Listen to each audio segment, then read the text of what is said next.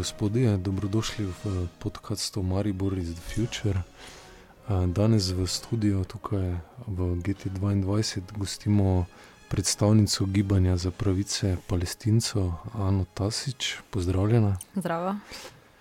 GT bo danes postal tudi kulturna ambasada Palestine. Predvajali bomo film Elije Sulemana, Čas, ki ostaja. Hkrati pa debatiramo tudi v hiši, da bi sprejeli BDS oziroma Boycott, Divestment, Sanctions.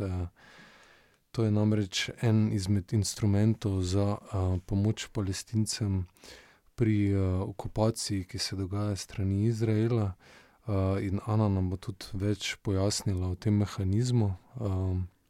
Mogoče za začetek poveš, Ana, preden gremo v specifiko, kaj je gibanje za pravice Palestincev, kako ste nastali, za kaj se zavzemate, in tudi mogoče o kulturnih ambasadah Palestine, ki jih organizirate. Ja, torej Gibanje za pravice Palestincev je skupina ljudi, ki jih Palestina zanima, skupina Slovencev, ki je nastala leta dva tisoč enajst, in zajema predstavnike nevladnih organizacij, novinarje in pa aktiviste. In leta torej leto po tem, ko je nastalo, leta dva tisoč dvanajst, je kot odgovor na kulturno ambasado Izraela v Mariboru v sklopu Evropske kulturne prestolnice torej gibanje organiziralo kulturno ambasado Palestine. to je v bistvu kot vsako leto pač malo drugače, ampak gre za neki festival palestinske kulture, da bi jo približali Sloveniji, da bi pač predstavili neko zgodbo, ki je v medijih v Sloveniji in pa tudi po svetu nekako zapostavljena. Da bi pač izvedeli več o tem, kakšno je življenje v Sloveniji, pardon, v Palestini. Kaj se dogaja, kaj se res dogaja, torej tudi strani Izraela. ja. In pa hkrati tudi nekako podprli oziroma, ja, doprinesli do k programu BDS. poleg kulturne ambasade Palestine pa organiziramo tudi različne okrogle mize, razstave, filmske večere, pa tudi pišemo peticije, politične pozive in pa članke, ki se nanašajo na Palestino in pa na palestinsko-izraelski konflikt. ja, mogoče pridemo, vseeno je to en centralni pojem, Boycott, Divestment, Sanctions, v slovenščini bojkotiranje, dezinvesticije, sankcije. v kakšni obliki poteka ta akcija, kako se lahko ljudje in organizacije pridružijo? Se zdi, da ima tudi velik učinek na Izrael in na ta boj in da, da jih to mogoče celo najbolj boli. Ja, torej BDS je mednarodno gibanje, ki je nastalo leta dva tisoč pet iz, v palestinski civilni družbi kot odgovor na izraelsko politiko apartheida, okupacije oziroma kolonizacije in pa vojnih zločinov. In cilj BDS-a je končanje mednarodne podpore izraelskemu zatiranju Palestincev in prisiliti Izrael k spoštovanju mednarodnega prava. V bistvu gre kot sledi primeru Južne Afrike, ki je z mednarodnim pritiskom končala, torej prišla do konca apartheida oziroma se je spremenil politični sistem in pa zatiranje črnskega prebivalstva. tukaj pa gre torej za podpiranje pravic Palestincev. kampanja BDS ima za cilj torej spoštovanje človekovih pravic in mednarodnega prava in poziva h končanju okupacije in kolonizacije vseh palestinskih ozemelj in odstranitev apartheidskega zidu. Potem k priznanju temeljnih pravic palestinskih državljanov do enakopravnosti palestinskih državljanov Izraela in pa pravico palestinskih beguncev do vrnitve. Torej po svetu je več kot šest milijonov beguncev iz, ki so pač po rodu Palestinci. In praktično noben nima po izraelskem pravu pravice do vrnitve v matično domovino. Medtem ko ironično dve leti po tem, ko je bil Izrael ustanovljen, leta tisoč devetsto petdeset, torej Izrael je bil ustanovljen leta tisoč devetsto oseminštirideset, leta tisoč devetsto petdeset pa so sprejeli zakon o uh, vrnitvi, po katerem ima vsak žid na svetu pravico do vrnitve v Izrael. Hkrati, ko pač palestinci nimajo tega, čeprav so tu živeli pač pred 70 leti, recimo, ne, in so bili hmm. nasilno pregnani. Uh, za bojkot, uh, če se pač začnemo z bojkotom, uh, pozivajo k gospodarskemu, kulturnemu in pa akademskemu bojkotu. In uh, cilj tega bojkota so institucije, ne pa posamezniki. Um, ja, potem pa gre še za dezinvesticije, torej za um, poziv k neinvestiranju, k čemorkoli, kjer uh, pač so izraelska sredstva oziroma izraelska vladna, uh, ja, vladne finančne podpore zraven. Uh, da ne investiramo v izraelska podjetja, in pa, um, aha, to sem zdaj malo zamešala. Torej, bojkot sem samo gospodarski povedala za enkrat. Uh, torej, dezinvesticije, uh, potem pa še sankcije, pa gre proti za. Um, pardon, proti uh, torej, ljudem, ki so um, povezani z apartheidsko kolonizacijsko politiko. Zdaj, če se vrnemo nazaj na bojkot, pardon, uh, torej obstaja tudi, mislim, pozivamo tudi k kulturnemu bojkotu, kar pomeni, da um, se odpovemo kakršnim koli dogodkom, ki so povezani z izraelskimi kulturnimi institucijami ali pa financiranjem strani Izraela. Uh, um, zelo uh, glasen pri tem je recimo Roger Waters, od, uh, bivši um, član Pink Floydov, ki na vseh svojih koncertih, uh, v svojih pesmih pač poziva k bojkotu Izraela in pa k um, spoštovanju pravic palestincev. Uh, potem je pa še akademski bojkot, um, kjer pri BDS gibanju predvsem izpostavljajo povezavo izraelskih univerz z vojsko. Torej, da univerze ali pa akademiki po svetu ne bi se povezovali z izraelskimi univerzami, ker so tudi one del te um, apartheidske politike. Um, kako pa lahko organizacije pristopijo, kje najdejo navodila za to, mogoče kdo je že pristopil k temu v Sloveniji? Uh, Torej, uh, ni neke enotne listine, ki bi organizacije ali pa posameznike, um, kjer bi se lahko podpisali, uvrstili na listo, kakorkoli. Um, ampak se v bistvu lahko vsak odloči sam in tudi odloči o tem, koliko bo o tem javno govoril. Um, zdaj, več, ko bomo o tem govorili, več ljudi se bo verjetno pripravljenih priključiti, ali pa več organizacij. Um, več informacij o tem najdete na spletni strani Gibanja za pravice palestincev, ki je pač slovenska, um, kot bi rekla, podružnica gibanja um, BDS. Uh, eh, drugače pa, če pogledate še več informacij, najdete na BDS Movement uh, spletni strani v angleščini. Um, torej, ni enotne listine. Um, v Sloveniji mislim, da nimamo niti seznama, kdo se zdaj uradno um, priključil oziroma strinja ali pa, pač se, ja, sledi tej politiki BDS.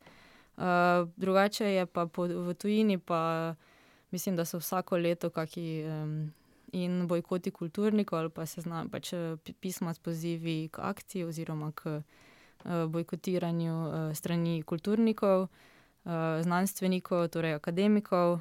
Um, ja, v Sloveniji pa pač smo tako bolj mali in vsak malo po svoje. Um, zdaj, kakšen učinek ima to? Nekaj smo že omenili, mislim, Izrael se kar krčevito bori proti temu, mogoče celo bolj kot na političnem parketu, uh, ker jih namreč to gospodarsko zadeva, tako da, uh, kot kaže, ima uh, lahko to učinek in posledico. Ne? Ja, uh, zdaj mogoče na prvi pogled se zdi, da niti ni, da ni nekih ogromnih uh, rezultatov ali pa nekih strašnih, mislim, ker pač situacija v Palestini je še vedno takšna, kot je, ali pa še slabša vsako leto. Ampak um, dejstvo je, da je Izrael, mislim, da pred dvema ali tremi leti sprejel zakon, po katerem lahko na meji zavrnejo vsakega podpornika BDS-a in mu ne dovolijo vstopa v državo. Če pa ti hočeš v Palestino, pa moraš skozi Izrael.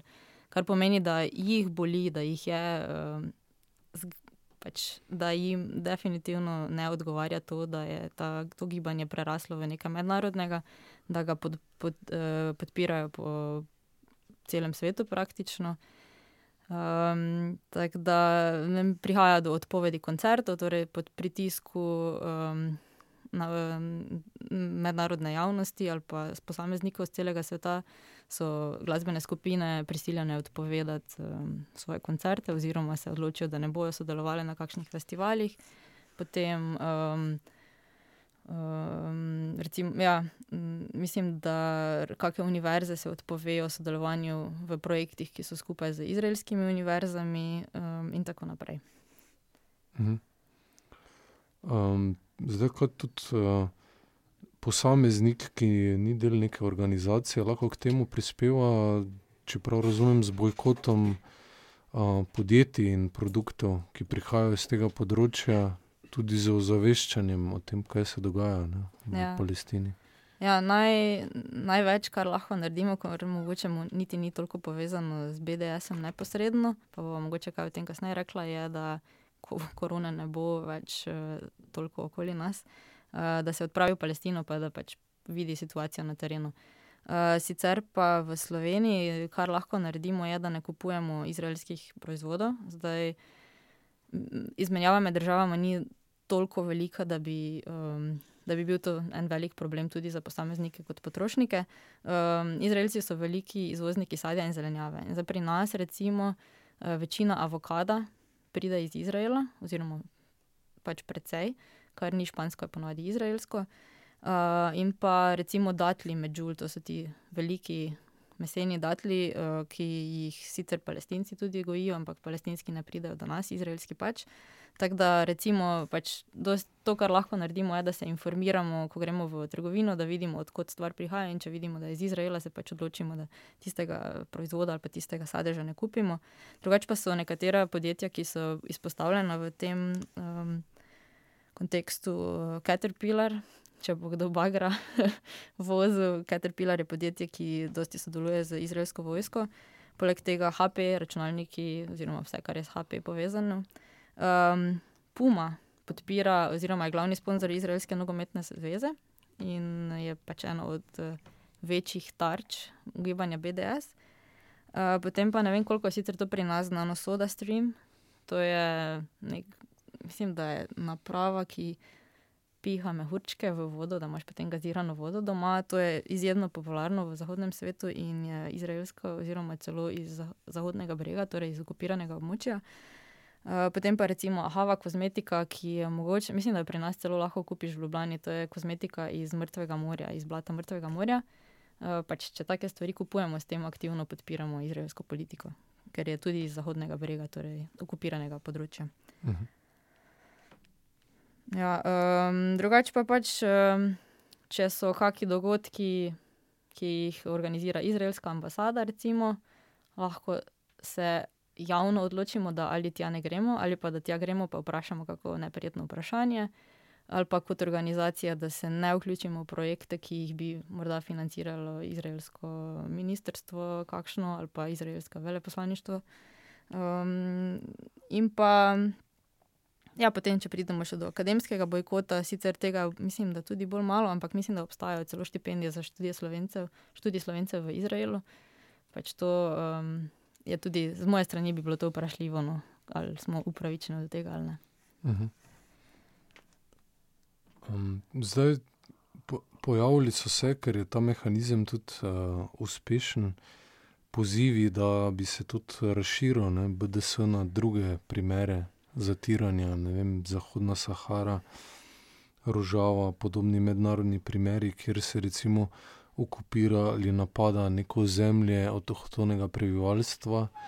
Um, koliko ti veš o tem, oziroma koliko je to smiselno, koliko je to mehanizem, ki ga lahko tudi uh, apliciramo na druge mednarodne, uh, zunanje politične probleme.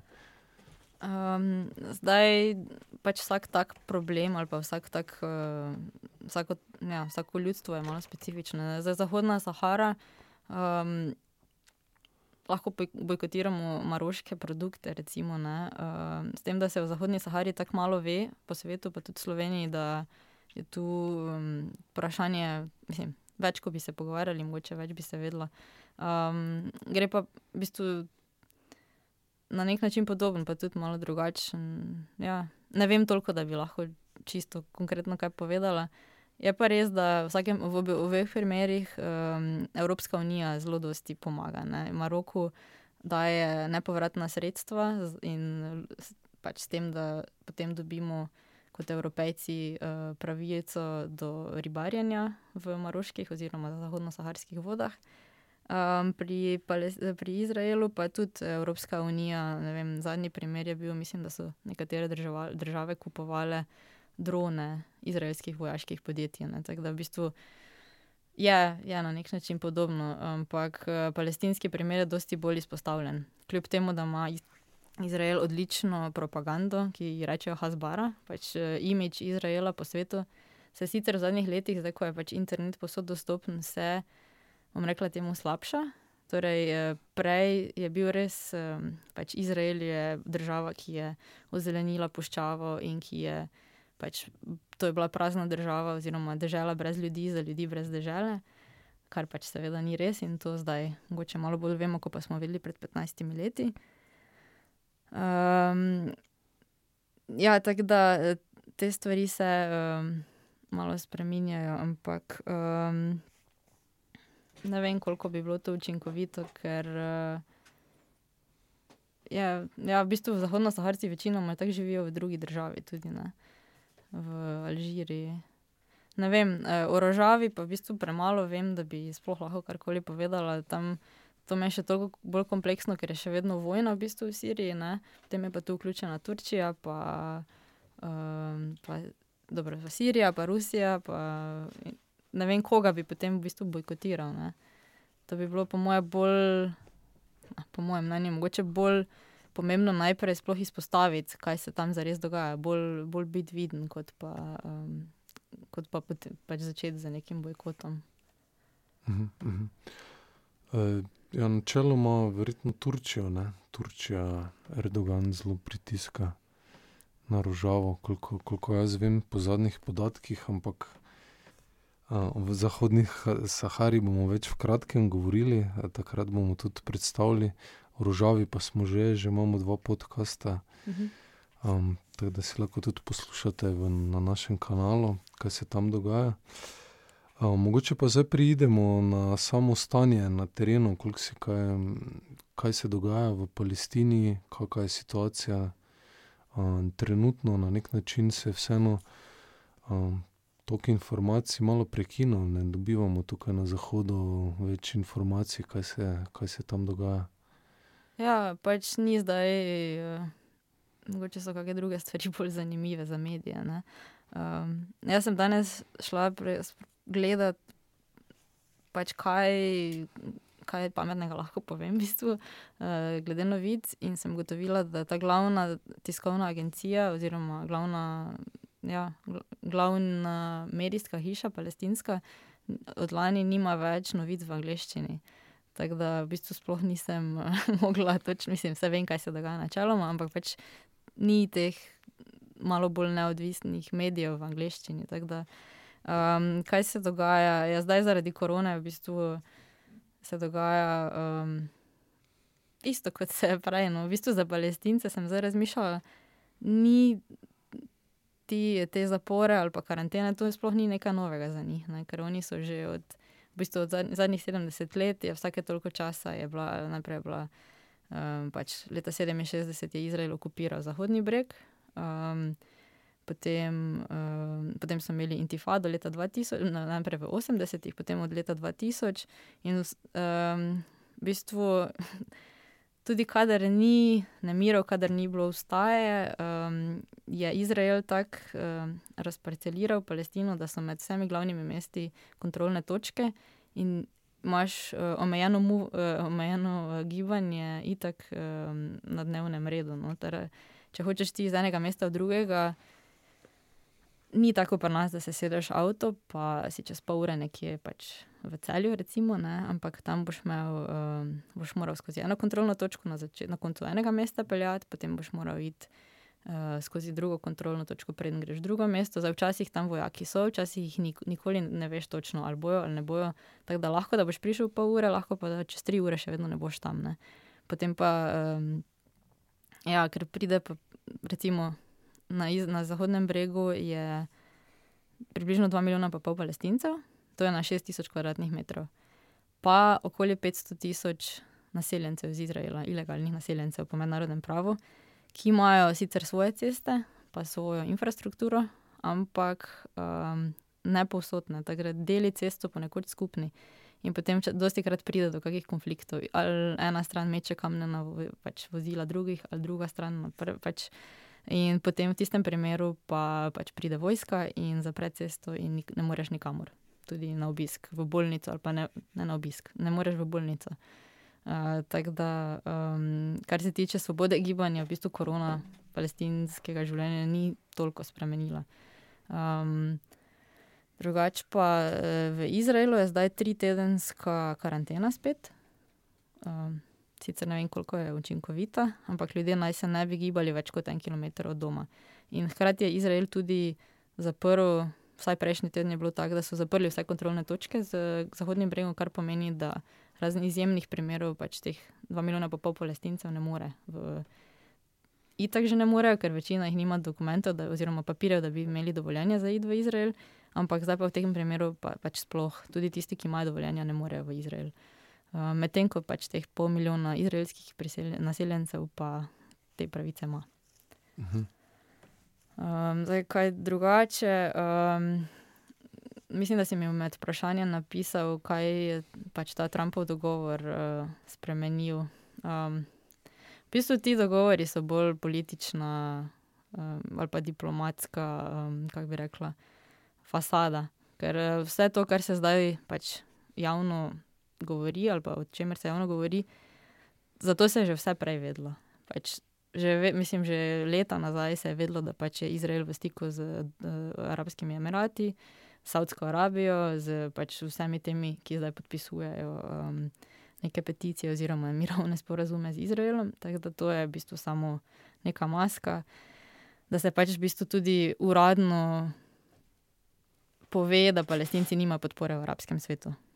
Um, ni pa, ne bo pa to stanje na terenu čisto nič spremenilo. Je tisto, ko je pač Netanjahu, izraelski premijer, pred da pa se ne spomnim, niti ali je bilo spomladi ali je bilo že poleti, pač rekel, da bo priključil Zahodni breg.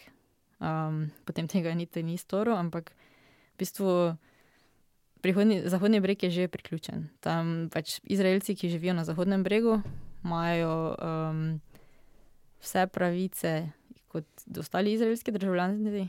Imajo um, subvencionirano bivanje, oziroma cenejša zemljišča, imajo vodo 24 ur na dan, nekateri imajo bazene, Medtem ko uh, palestinske vasi, ki so pod istim hribom, recimo, imajo 12 ur na, da, na 12 ur na teden tekočo vodo, um, Izraelci jim zlivajo gnojnico oziroma kanalizacijo po hribu navzdol, jim uh, olke podirajo, sploh zdaj, ko bo sezona pobiranja olk um, oziroma oliv, uh, jih ogromno zažgejo ali pa pač podrejo.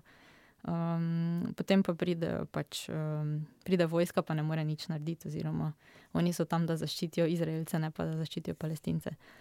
Um, kaj se dogaja, v bistvu lahko o tem za par dni govorim. No. Mm. V Palestini je tako, da če ti um, kjerkoli si v Palestini, nikoli ne veš, če ne bo ob treh zjutraj vojska razbila vrat, pa te odvlekla iz spalnice, pa te za šest mesecev vrgla v zapor. Pač, ker imajo to uh, pravilo v angleščini se reče arbitrary detention. In oni te lahko, ne, administrative detention, pardon.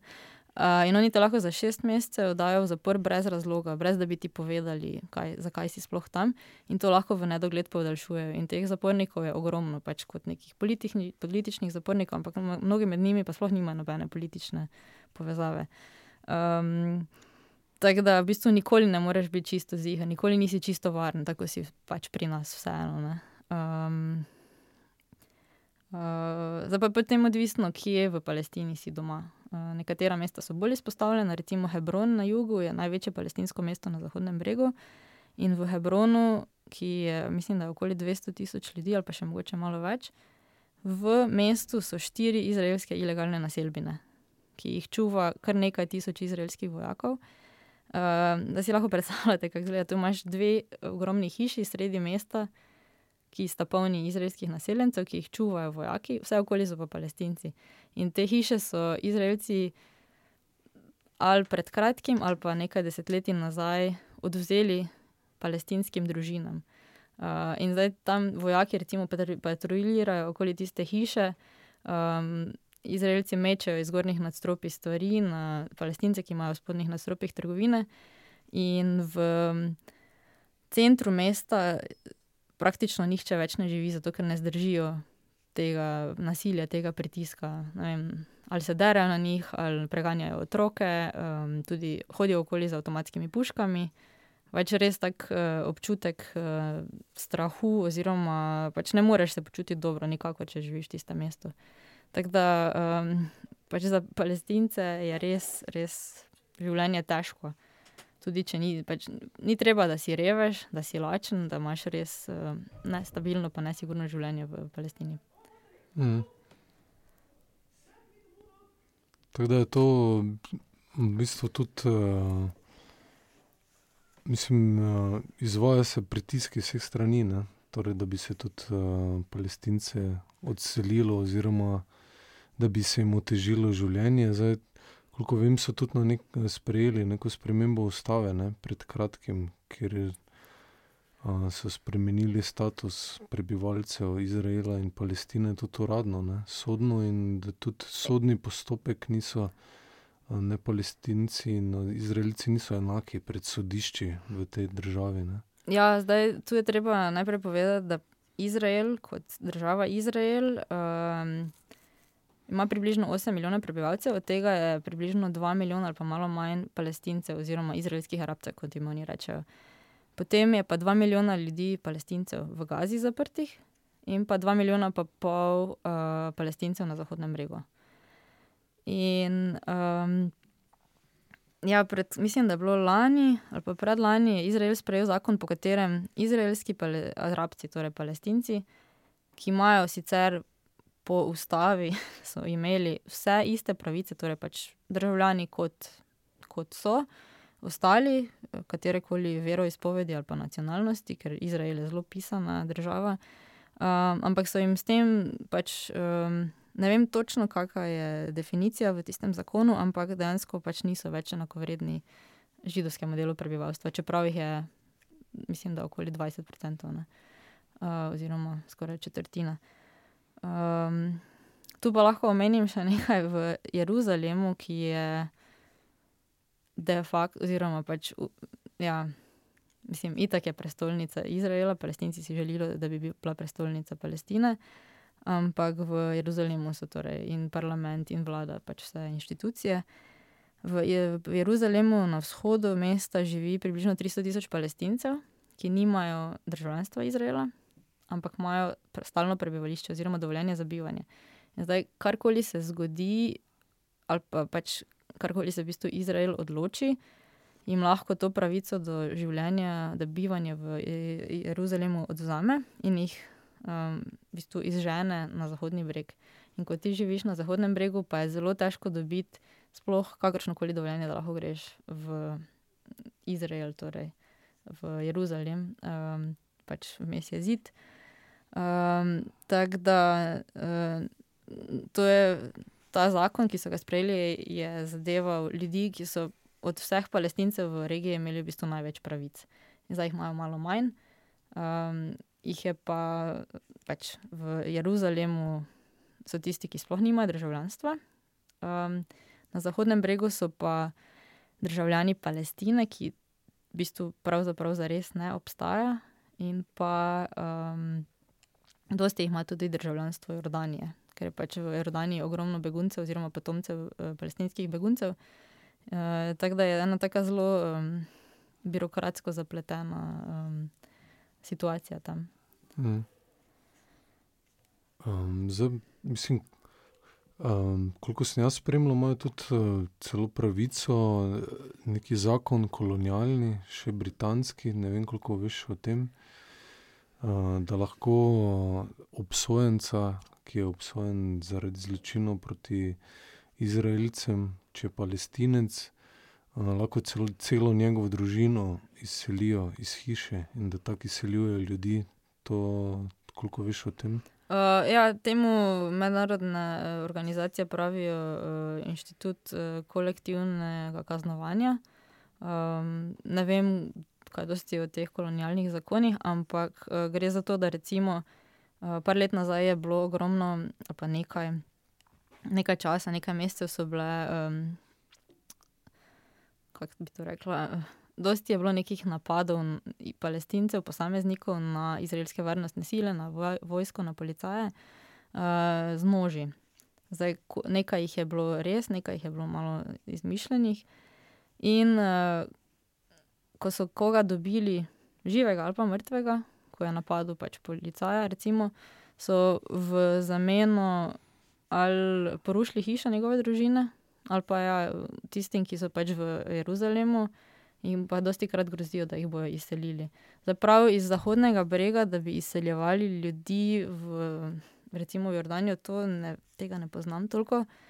Možno, da se dogaja, ampak ne toliko množično, kot pa pač iz Jeruzalema, prav, ker si želijo spremeniti demografsko sliko v Jeruzalemu, da pač postane čim bolj židovsko mesto oziroma judovsko.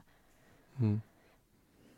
Um, zdaj pa, glede na to, da smo danes tudi kulturna ambasada Palestine, mogoče nam malo več poveš tudi o kulturi palestinski, oziroma da se ne pogovarjamo samo o politiki, mm -hmm. ampak uh, uh, tudi kako pomembna je kulturno in zgodovinsko ta država. Ne? Ja, um, Palestina je um, tako um, ena zelo. Um, gostoljubna država. No. Uh, če greš po Palestini, te bodo vsi zelo veseli. Vsi so, ljudje so zelo veseli, ko pridejo tujci, zato da pač v bistvu njihovo upanje je, da mi nekako ponesemo v svet njihovo sporočilo, da, pač, da se da tam, da se jih da obiskati, da je zelo lepo, da je hrana dobra, da imajo radi ljudi, ki pridejo. Um, Tako da je vedno, jaz sem zadnjih šest let dosti preživela v Palestini in je vedno lepo priti nazaj. No. Kultura um, zelo, je, zelo temelji na hrani, pa družini. Zelo radi jejo in to je, to ni, ne, mislim, mi radi jemo, ampak tisto je pa pač še malo več. Torej, ko si nekam povabljen, to bo miza polna vseh možnih dobrot. Um, Uh, in pa, um, ja, družina je zelo pomembna. No. V Palestini so nekatere družine, imajo tudi po 10.000 članov. Pač to ni družina kot pri nas, ko imaš dobro trance, pa se strične, ne, pa potem ostalih več ne poznaš. Tam imaš priimek, ki palestinci bodo točno vedeli, odkot prihajaš, odkot prihaja tvoj oče. In bojo ugotovili, da so pač neki 27 bratranci, ampak to je cela družina. In če se kot, komu iz te družine kaj zgodi, bo v bistvu tako kot nek klan, bojo stopili skupaj, pa bojo poskušali uh, to rešiti. Um, drugače pa je zanimivo, da um, pač vse, skozi vsa ta leta okupacije, kolonizacije, izgona um, so ohranili in svoje pesmi, in svoje um, običaje. Um, sploh pa, kar je meni zelo zanimivo, je, da glede na to, da 30% palestinskih beguncev še vedno živi v begunskih taboriščih po 70 letih, da ti otroci, ki so zdaj mali, oni poznajo zgodbe svojih staršev, pa svojih starih staršev, oziroma svojih starih staršev, ki so živeli vem, v vaseh po današnjem Izraelu, ki jih danes sploh ni. Ampak vejo, kje so stali vodnjaki, vejo, kaj se je reklo temu kraju. Ne? Imajo prav kvize, recimo v begunskem taborišču Aida, mislim, da pa v Dehejše, v Betlehemu. Um, imajo prav aktivnosti, da pridejo otroci um, vem, na urico kviza ali pa za, sploh za kak praznik in da uh, imajo kvize o tem, kakšno je bilo drevo tam, pa kaj je tam stalo, pa kako se je temu reklo, pa kdo je bil s kom poročen. Tako da v bistvu skozi to neko. Um, V bistvu tako hranijo neko svojo nacionalno zavest, pa upanje, da se bodo nekoč vrnili. Um, zelo pomemben simbol palestinskega um, bega oziroma želje, pa odločenosti po vrnitvi, je, so tudi ključi, ker ljudje, ko so leta 48 šli iz doma, um, ogromno jih je vzelo ključe svojih hiš s seboj in jih še zdaj imajo. uh, čeprav večina njih nikoli ni več prišla do teh hiš in mnogo teh hiš več ne obstaja. Ker leta 1948, ko so ustanovili Izrael, je bilo izgnanih okoli 700-800 tisoč palestincev, od milijona, ki jih je tam živelo, in bilo je uničenih več kot 500 mest in vasi. Torej, večina teh hiš več ne stoji, ampak ljudje imajo še vedno ključe in to jim nekako daje upanje, da bojo nekoč se lahko vrnili. Hmm. Hmm, kaj pa recimo umetniška produkcija? Danes si bomo pogledali film od Elije Sulemana, on je eden izmed takih, ki v mednarodni filmski prostor ponašajo, prinaša ime Palestine in tudi tematizira samo problematiko. Um, mogoče malo več o samem filmu danes, uh -huh. pa tudi nasploh, kaj, kje se lahko ljudje uh, srečajo z palestinsko umetnostjo. Um, današnji film, torej uh, Čas, ki ostaja, uh, je posnet, oziroma Elija Sulejman uh, ga je posnel po, delno po zgodbi svojih staršev, ki so bili leta 1948, oziroma v letih po uh, okupaciji Palestine. Um, vsaj oče je bil neke vrste um, sodelavec v odporniškem gibanju. Um, in Elija Sulejman je v bistvu po njegovih dnevniških zapiskih ta film uh, skupaj sestavil in ga um, skupaj za svojo zgodbo, potem, ker on je, leta, on je v 80-ih živel v New Yorku, potem pa se je vrnil v Ramalo uh, in zdaj pa živi v Parizu. Torej, v bistvu kombiniral zgodbo svojih staršev od leta 48 naprej z svojo um, izkušnjo neke vrste izgona, mal, malo bolj prostovoljnega kot večina palestincev, ampak pač svoje izkušnje izgona in vračanja in je to um, spakiral v en tak zanimiv prikaz zgodovine Palestine ali pa tega dela sveta od leta 48 pa do 2009, ko je bil film posnet. Uh, tako da je ta ena umetniška um, kritika temu, kar se dogaja. Um, jaz sem ga v bistvu prvič videla šele ta vikend uh, in mi je bilo, bil zelo zanimiv. Se veselim, da ga bom zdaj še enkrat videla, da si mogoče še kakšno stvar uh, boljše pogledam. Drugače pa mislim, da lani izdal še en film, ki je bil, na, ki je bil med nominiran oziroma med pripravami um, za nominacijo za tujega Oskarja, pa potem ni bil izbran. Ampak uh, tako da ima v bistvu to, ta film tudi neke vrste nadaljevanje. Um, zdaj, kar se umetnosti tiče, palestinske, jaz na splošno nisem najboljši naslov za umetnost, ampak eno ime, ki ga pri Palestini nikakor ne smemo spustiti, je Mahmoud Derviš, ki je njihov največji pesnik in je v bistvu vsi ga znajo citirati, povsod je v Ramalji njegov muzej.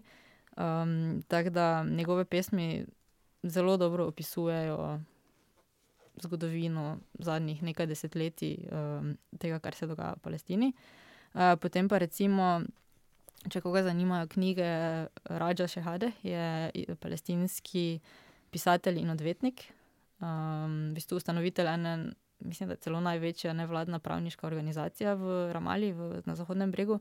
Uh, je napisal precej knjig o Palestini, o situaciji in pa um, recimo um, o hoji po Palestini. Primerjal z svojimi izkušnjami, kot je bil, ko, ko je bil kot otrok, potem skozi zapore gibanja, pa potem do zdajšnjih časov. Tako da, um, to tak. Ja, um, pač zdaj postaja uh, Ramala, recimo, je ful bolj liberalna kot uh, ostali deli Palestine, ali pa recimo Betlehem, Becahur, ko je pač bolj krščanski del, tam so malo bolj. Um, ja, um, veseli napredka tudi na kulturnem področju. Uh, tako da zdaj je zelo popularna tudi elektronska glasba, pa rep. Um, in je kar nekaj dobrih glasbenih skupin um, na palestinskem področju tudi. Um, Soul 47, pa mislim, da so celo palestinci, ki niso v Palestini, ampak so posod po svetu, pa so se pač odločili, da uh, svoj glas dajo v Palestini, so pa pač palestinskega porekla. Uh -huh. Uh, če se bom spomnila, bom potem še eno skupino povedala, ki je mi je zelo všeč, ampak se zdaj imena ne morem spomniti. uh, pa, ja, da še to povem, če še imamo čas. Um, Palestina je res uh, ena taka super destinacija za obiske. um, za potovanje, tudi ker so ljudje zelo prijazni, ker je v primerjavi z Izraelom, ki je izredno drag, um, relativno poceni, oziroma pač se da tam preživeti. In pa če, imajo, eh, pač, če imaš rad naravo, pa če imaš rad ribe, kot slovenci, načeloma imamo. Ne, Uh, ti da to eno drugo izkušnjo. Recimo um, v Palestini so zdaj označili uh, Abrahamovo pot, um, Masar Ibrahim, od severa, od Dženina pa do juga, do Hebrona. In je to 325 km dolga pohodniška pot, ki je večinoma označena, pa razdeljena v, mislim, 21 etap. In tako so organizirali, da so po vsaki etapi se da prespati pri lokalni družini, kjer imaš večerjo, zajtrk, prenočišče in v bistvu res izkusiš, kako je življenje tam tudi na vasi, pa kako se da živeti kot palestinci. Tako da, um, ja, če, če bo kdo karkoli potegnil iz tega podcasta oziroma iz tega pogovora, je to, da največ se naučiš v Palestini, ko greš tja, in uh, potem je pa nevarno, ker te malo zasvoji no, in te je težko iti nazaj. Tako da ti si bila večkrat, uh, praviš, Jaz tudi sem- živela tam nekaj časa. Jaz sem leto pa pol živela tam. Ja. Uh, pa za, letos je prvič v zadnjih šestih letih, da nisem šla dol. Um, dva dni preden bi morali iti z eno skupino mla- za, na mladinsko izmenjavo, uh, je Izrael zaprl meje marca, tako da smo pač obstali in čakamo, da mogoče drugo leto lahko gremo. Uh -huh. uh, tvoje osebno gledanje, kaj, kaj si doživela, kako dojemaš to državo. Kaj je rešitev ali kaj? Oboje, mislim, tudi uh, kak, kaj si tam doživela, oziroma kako si dojela tam, kakšne stanje, pa tudi ja, mogoče kako kak na boljše, kaj lahko Ja, storimo, da bo enkrat se boljše. spremenilo. Um, ja, jaz, ko sem prvič šla dol, sem bila tri mesece v Nablusu. Um, in sem, to je mesto na severu.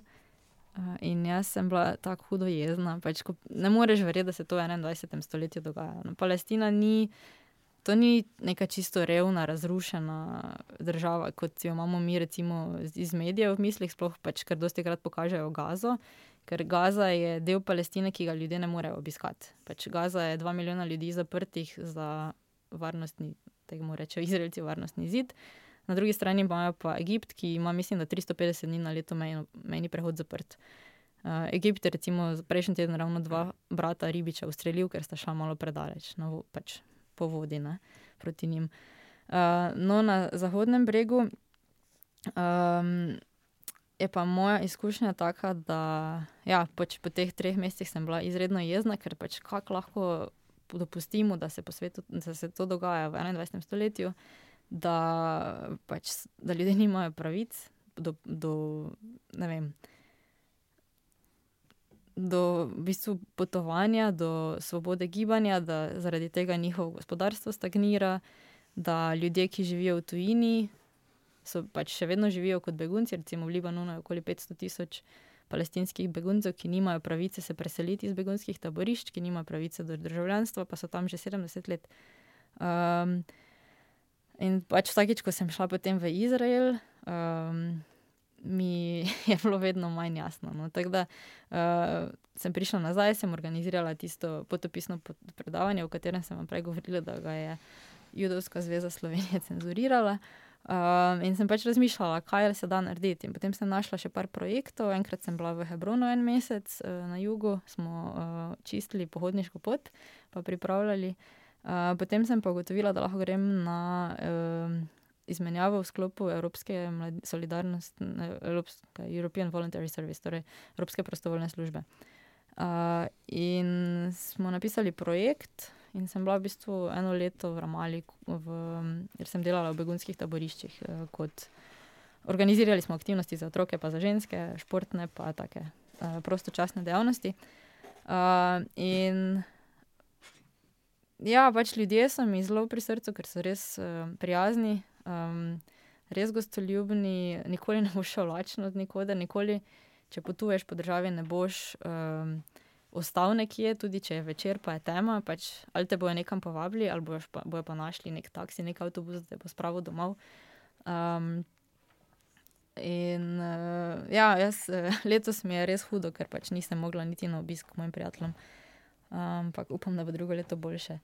Zdaj, kar se pa tiče um, politične situacije, je pa tako, da um, gre vedno na slabše, da pač imajo palestinci, v bistvu jih izraelci zapirajo v geto, mislim, v geta.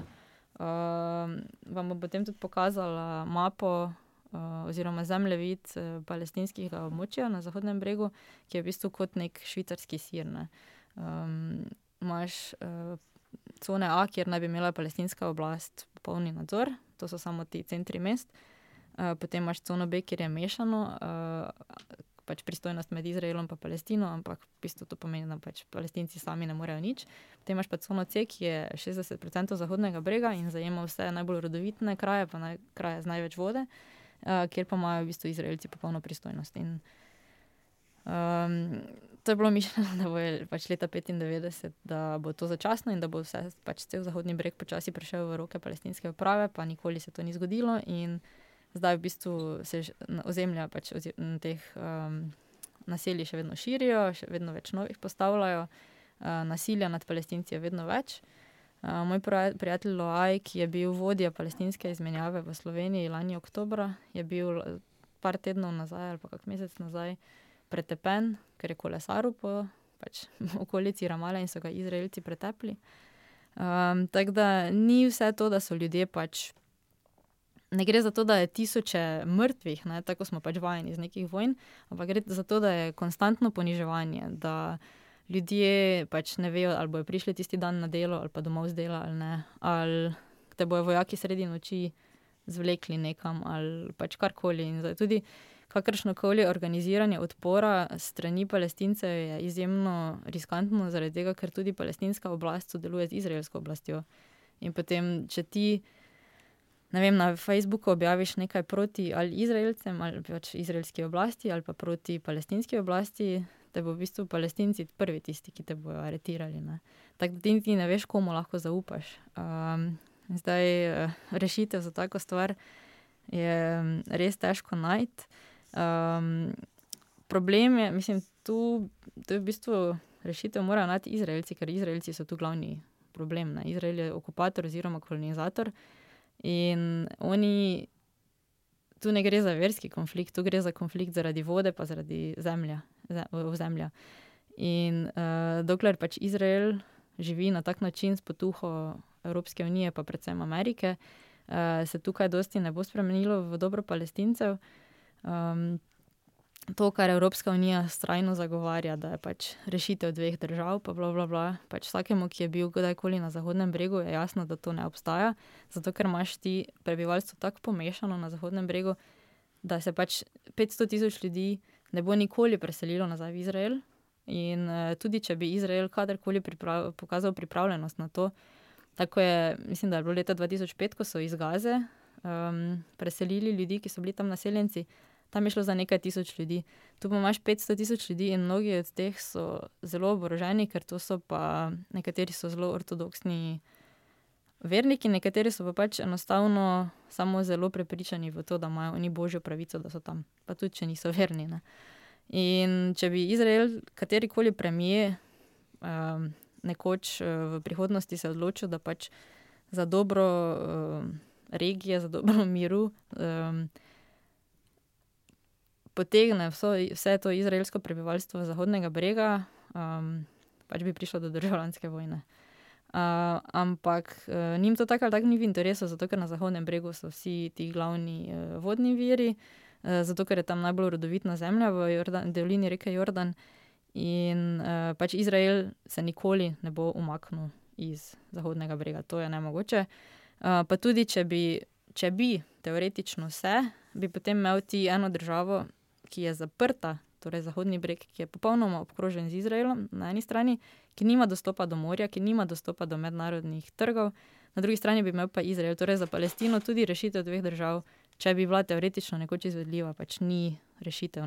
Da, po mojem mnenju je edina rešitev in pač to ni zdaj moje neko ekspertno mnenje, ampak je mnenje dosti ljudi, dosti strokovnjakov z tega področja, da pač edina možnost, da bo tam kdaj mir, je, da pač skozi leta pridejo do tega, da mora biti to ena država z, vsakim, z enakimi pravicami za vse državljane.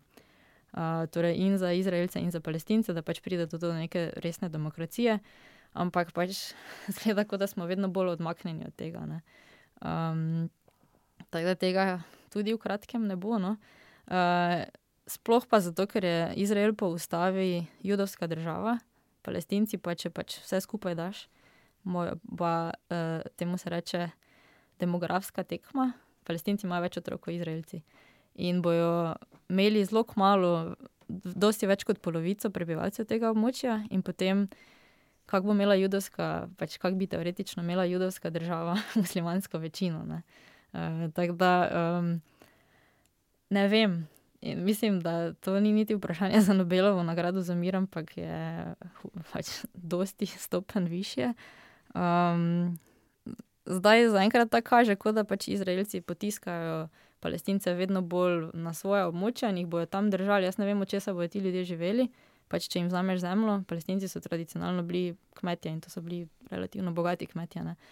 Um, zaprli jih bodo tja in jih bodo naredili odvisne, da bodo oni delali za njih. V, recimo, že zdaj v naselbinah uh, po Zahodnem bregu večino delo opravijo palestinci in uh, gradbeniki. Pač, uh, oni v bistvu ironija je v tem, da palestinci ki jim Izrael ne da pravice, da bi zgradili recimo še eno sobo na svoji hiši, um, gradijo Izraelcem, ki so okupirali njihovo zemljo, v nekaterih primerih celo prav njihovo družinsko zemljo, zato ker nimajo drugega vira zaslužka, njim gradijo uh, recimo hiše.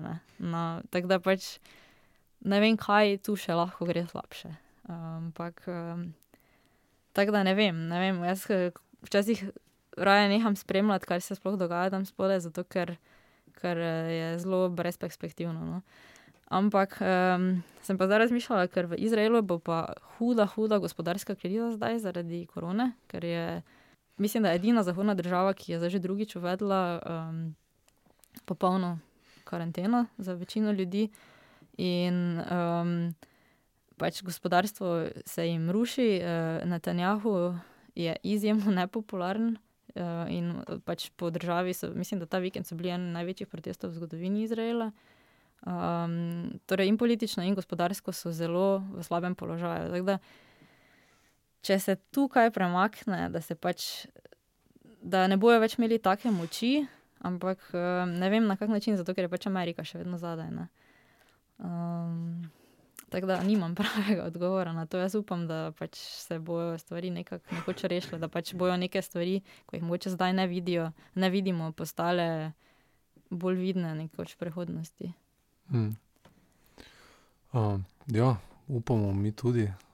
Hvala, Ana, za ta pogovor in za zelo poglobljeno predstavitev uh, Palestine. Uh, hvala tudi vam, da ste nas poslušali in Bokijo za tehnično obdelavo. Uh, zdaj, za konec pa smo odkrili bend, ne Soul 47, bomo zavrteli en komat in držimo pesti, da se ta situacija uredi v uh, prid in v boljše življenje palestincev in konec koncev tudi vseh, ki tam živijo.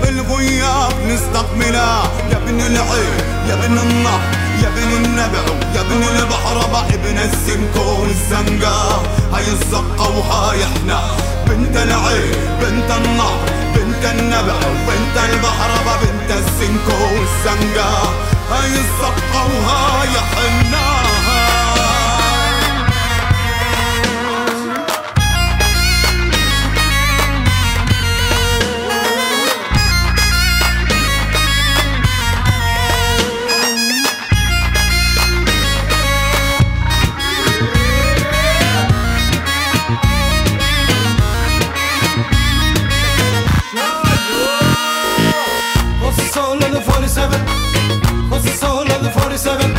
What's that soul in the 47? shampoo the soul in the 47.